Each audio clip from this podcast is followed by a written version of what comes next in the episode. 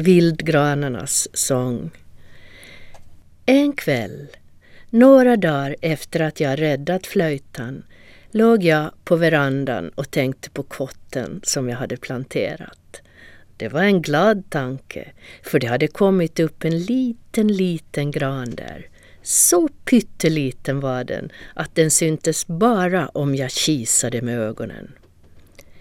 Men så en dag började jag fundera på alla de andra vildgranarna som blev julgranar och inte hade någon som planterade deras kottar. De bara dog, tänkte jag, försvann för alltid. Det var en så hemsk och ihålig tanke att jag blev precis stel. Efter en stund började jag tycka så synd om vildgranarna som måste bli julgranar fast de inte ville. Jag fick riktigt tårar i ögonen. Om jag bara kunde komma på ett sätt att hjälpa dem. Panter och jag, tänkte jag när jag varit olycklig en lång stund.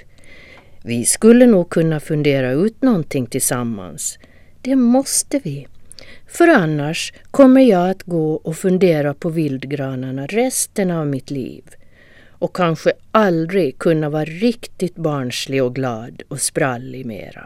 Så där, som när jag fort så barken sprätter, rasslar upp i träna eller lurar på Fia bakom stora stenen eller gör volter i luften med panter. Och inte skulle mina tankar heller kunna klättra och flyga. Tunga skulle de bli och stanna inne i huvudet och ruva.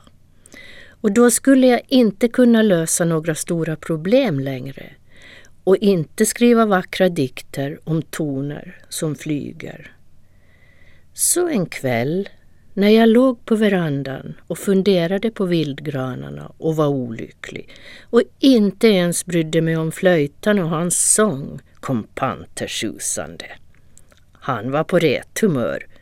Vad ligger du och grubblar för? Du ser ju lika eländig ut som en tre gånger utbajsad äppelmos, hojtade han belåtet. Utbajsad äppelmos kan du vara själv, svarade jag förnärmat. Melankolisk, det är vad jag är. Melankolisk och olycklig.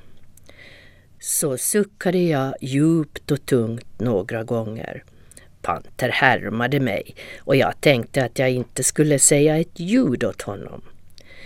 Men efter en stund berättade jag i alla fall om vildgranarna. Jag sa att de alltid längtar ut till skogen och avskyr att vara julgranar. Sen berättade jag om kotten som jag planterat och att inte alla vildgranar har någon som planterar deras kottar. Panter blev tyst en stund. Så fick han tårar i ögonen för han blev så arg, sa han, när ingen brydde sig om vad vildgranarna ville. Tänk själv om någon bara skulle komma och ta dig och klä på dig en massa larviga julkläder och inte låta dig fara ut och flyga och träffa mig till exempel. Varför bara mig? Det kan ju lika gärna gälla dig, sa jag lite stött. Panter såg vild ut. Så satt han och funderade en stund. Jag funderade också. Jag vet, utropade Panter efter ett tag. Vi stänger alla ställen där det växer julgranar. Vi bygger höga blågnistrande stängsel omkring som karampiska. Du som kan allt om den där etilektriciteten kan väl göra det? Det måste ju vara lätt som en plätt. Panter såg belåten ut. Det är inte alls lätt som en plätt, svarade jag och log lite överseende.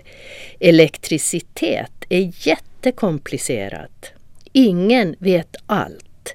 Men jag vet i alla fall att den är farlig och att den och de blå gnistorna kommer ur hål i väggen. Hur de kommer in i väggen, det har jag inte lyckats lista ut ännu. En sak vet jag i alla fall, sa Panter, och det är att jag inte får någon ro förrän vi hittat ett sätt att rädda vildgranarna. Det måste finnas något. Ingenting är omöjligt. Inte för oss i alla fall. Vi kom på alla möjliga idéer som att avskaffa julen, föra bort alla granar till julstjärnelandet, täcka dem med snö, trolla de osynliga. Måla de svarta så julgranshuggarna skulle tro att de redan var döda. Eller hade pesten viskade Panter och tittade lömskt omkring sig, precis som om pesten stått och lurpassat på oss bakom något träd. Jag ryste till. Hellre någon annan sjukdom. Pesten dör man ju av. Nu vet jag, ropade jag. Mässling! Vi målar röda prickar på dem så det ser ut som om de hade mässling. En julgran med mässling. Det var så fånigt att vi började fnissa och glömde vildgranarna för en stund. Nu möglar vi snart om vi inte rör på oss. Ta fatt mig om du kan, ropade Panter och satte iväg inåt skogen. Och jag efter. Över trärötter och genom blåbärsris jagade vi varandra tills vi var helt utmattade och stapplade fram till min ljungtuva.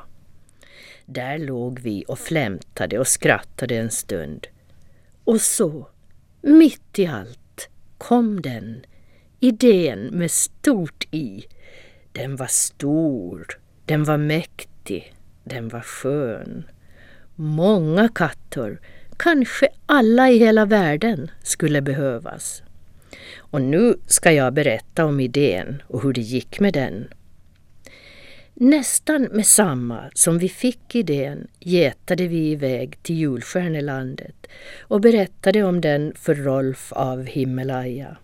Han tyckte den var genial, så sa han, och han var säker på att den skulle fungera.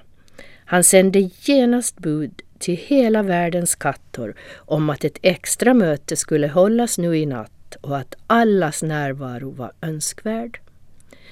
Och bara efter någon timme kom kattor flygande från all jordens väderstreck. Flera kom från Panters hemtrakter långt i söder. Från Kanada och Norden och mitt örike långt i norr kom stora skaror.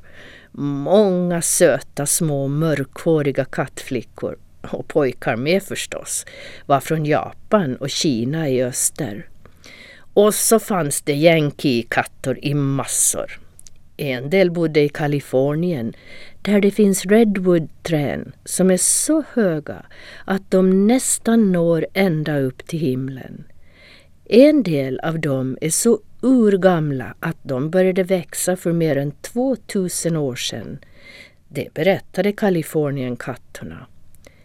2000 år och lever ännu. Hur kan man bli så gammal?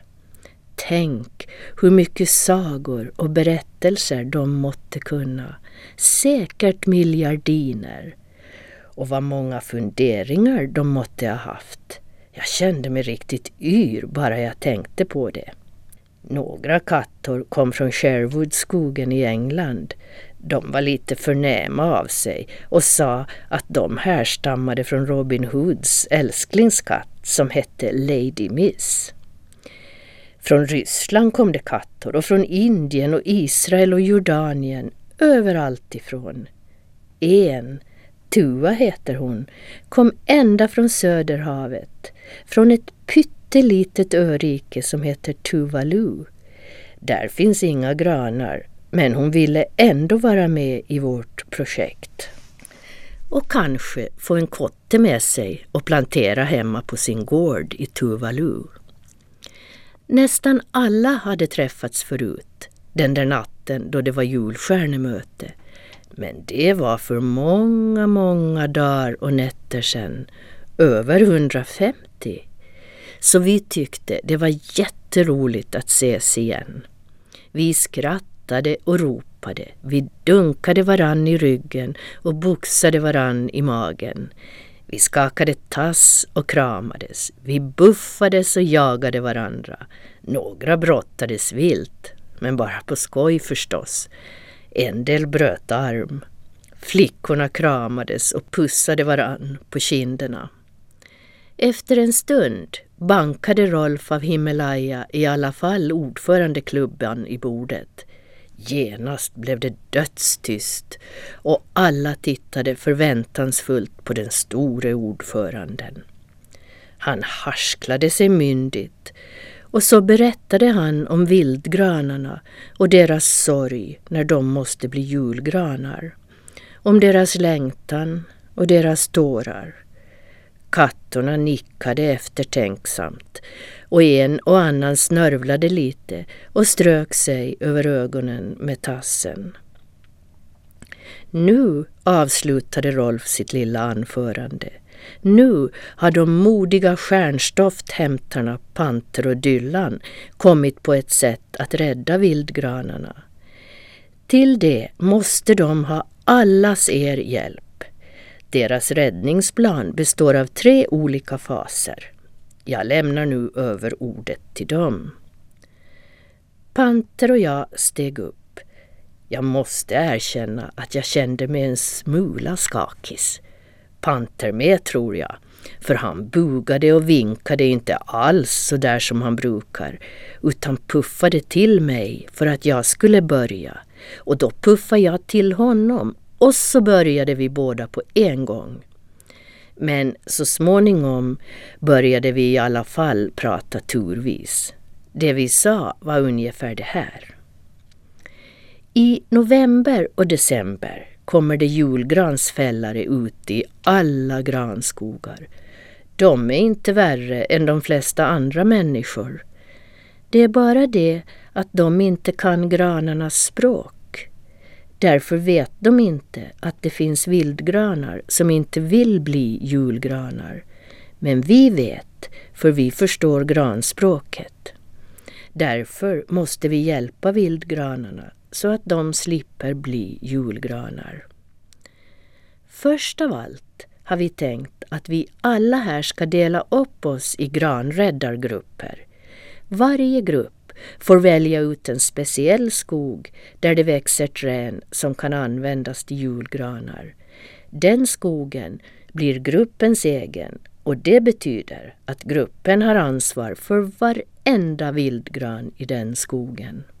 Så kommer fas nummer två och den måste vi börja med så fort som möjligt för den kommer att ta lång tid. I den ska gruppmedlemmarna söka upp varenda gran i sin skog och fråga om den vill bli julgran eller inte. Den som inte vill ska märkas ut på en karta. Vi måste vara oändligt noggranna så att vi inte missar en enda liten gran. Det är ju i våra tassar vildgranarnas öde ligger. Till november måste vi vara klara med fas nummer två. För då börjar granfällarna komma in i skogen. Det är vår tredje och sista fas och den håller på ända till jul. Under den måste alla bo natt och dag i den skog som är deras. Varje katt har en eller några vildgranar att skydda på det sättet får varje vildgran en egen beskyddare. En eller ett par kattor får vara spejare. Så fort de ser en julgransfällare ger de signal. Genast de andra hör signalen springer de snabbt som meteorgnistor och gömmer sig uppe bland grenarna i sin speciella vildgran. Så fort fällaren höjer yxan eller sätter sågen mot trädet börjar katten jama det ynkligaste han kan så trädfällaren tror att granen gråter. Då kanske han inte har hjärta att fälla den.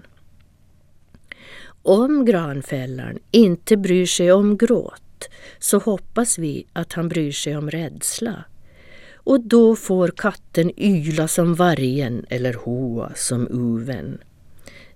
De fasansfulla ljuden skrämmer alla jordens varelser, åtminstone katter och deras mattar. Hjälper inte det heller måste katten ge en speciell signal till de andra katterna i skogen som då alla på en gång jamar så vilt och ödsligt som bara katter kan. Det jamet klarar inget mänskligt öra av. Så var vi tysta en stund och försökte fundera ut om vi glömt något. Men vi kom inte på någonting. Då frågade vi om alla förstått vad vi menat. Kattorna nickade. Några ryste vid tanken på uven och vargen. Andra svalde lite nervöst. Men ingen såg ut som den skulle vilja smita sin kos. Rolf av Himmelaja steg upp och sa att denna räddningsaktion kommer att bli mycket svår och mödosam. Men, fortsatte han, vi arbetar för en ädel sak. Vi räddar många vildgranar från att vissna och tyna bort i förtid. Om vi lyckas kommer vi alla att gå till historien. Själv är jag för gammal och orkeslös för att delta. Men i mina tankar är jag med er varenda sekund. Och från djupet av mitt hjärta önskar jag er lycka till. Så la han tassen mot hjärtat och bugade djupt för oss. Mödosamt och svårt blev det minsann. Ren att dela upp världens alla kattor och skogar fordrade mycket möda, tanke och list. Till slut var alla någorlunda nöjda med sina grupper och skogar. Jag och Panter hade sommarlandet på vår lott tillsammans med tio andra kattor. Och så var Fia med oss, för sommarlandet är ju hennes också. Vi var den minsta gruppen men vi ville inte ha fler med oss. Egentligen var det Panter som inte ville, för då blir det bara bråk, sa han. Och det tror jag nog är sant. Dessutom utropade han, hur skulle inte vi, om vi så var ensamma, klara av några ynkliga granfällare? Vi som gett både knejprar, drakar, hemliga agenter och karampiska på nöten. Hela hösten bodde Matte och husse i sommarlandet. Och det var tur det, för annars hade de nog blivit oroliga när jag var så mycket borta. Kanske de skulle ha trott att jag inte tyckte om dem längre. Och då hade Matte gråtit av sorg. Och då hade jag fått dåligt samvete.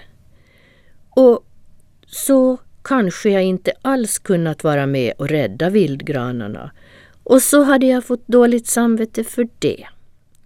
Så är det med samvete. Hur jag än gör är det dåligt. Ibland åtminstone. Och då vill jag bara sova och glömma allt. Men då kanske man möglar, som Panter säger. Och det vill jag inte heller. Varför ska det vara så krångligt, det här med samvete? Jag får huvudvärk bara jag tänker på det så jag försöker låta bli. I sommarlandet var det bara fem som ville bli julgranar för de längtade in i värmen och så ville de ha glitter i håret. Alla andra var vildgranar. De var ganska många, så vi höll på ända till mitten av oktober med att märka ut dem på kartan. Sen var det bara två veckor kvar tills granfällarna skulle börja komma. De veckorna flög iväg. Jag försökte sova och vila så mycket som möjligt. Men mest oroade jag mig för hur det skulle gå. Tänk om det fanns granfällare som inte brydde sig om våra jamanden. Som kanske var döva det skulle vara så hemskt, för det skulle vara som att svika vildgranarna. De som hade blivit så sticklyckliga när vi berättade om våra planer. De hade lovat att ge oss skydd för storm och regn och hundväder och aldrig mer sticka oss när vi klättrade upp i dem. Så blev det första november. Alla utom Panter hade kommit. Månen sken och jag satt ute på trappan och funderade över var han höll hus. Utan honom skulle vi inte klara granräddningen. Det var jag säker på. Ett litet tag blev jag nästan arg. Men sen blev jag orolig. Tänk om någonting hade hänt honom, om han blivit sjuk eller råkat i Karampiskas garn eller blivit uppäten av krokodiler. Han hade ju inte förstånd att vara rädd för någonting. Tänk bara när han höll på att störta sig in i de där blå gnistorna runt Hunkle Dunkle. Jag blev mer och mer orolig och till slut var jag riktigt stel och kallsvettig. Jag var bombsäker på att någonting fasansfullt hade hänt. Jag spejade förtvivlat upp mot himlen och plötsligt fick jag syn på en liten figur som kom flygande rätt framför månen. Närmare och närmare kom den, kolsvart var den, med glimmande gröna ögon och lång svans. En katt var det ju, panter var det och han sjöng högt och lyckligt. Här kommer världens järvaste katt. Han ska rädda var gran som i fara är satt. Tuddi ruddi ratt. Och på ratt drattade han rätt ner i min tänkarjungtuva. Här kommer jag, hojtade han. Nu ska här räddas granar. Hoppas det blir sticksvårt och livsfarligt. Jag suckade och kände en kall rysning löpa längs ryggraden. Jag hade ju inte glömt vårt hunkle-dunkle-äventyr. Men ändå blev jag så glad över att se honom att jag måste skratta. Sen blev jag lite sur för att han hade gjort mig orolig och då kastade jag en snöboll på honom. Han kastade en tillbaka och så brottades vi och skrattade en stund. Och sen kändes allt spännande och roligt.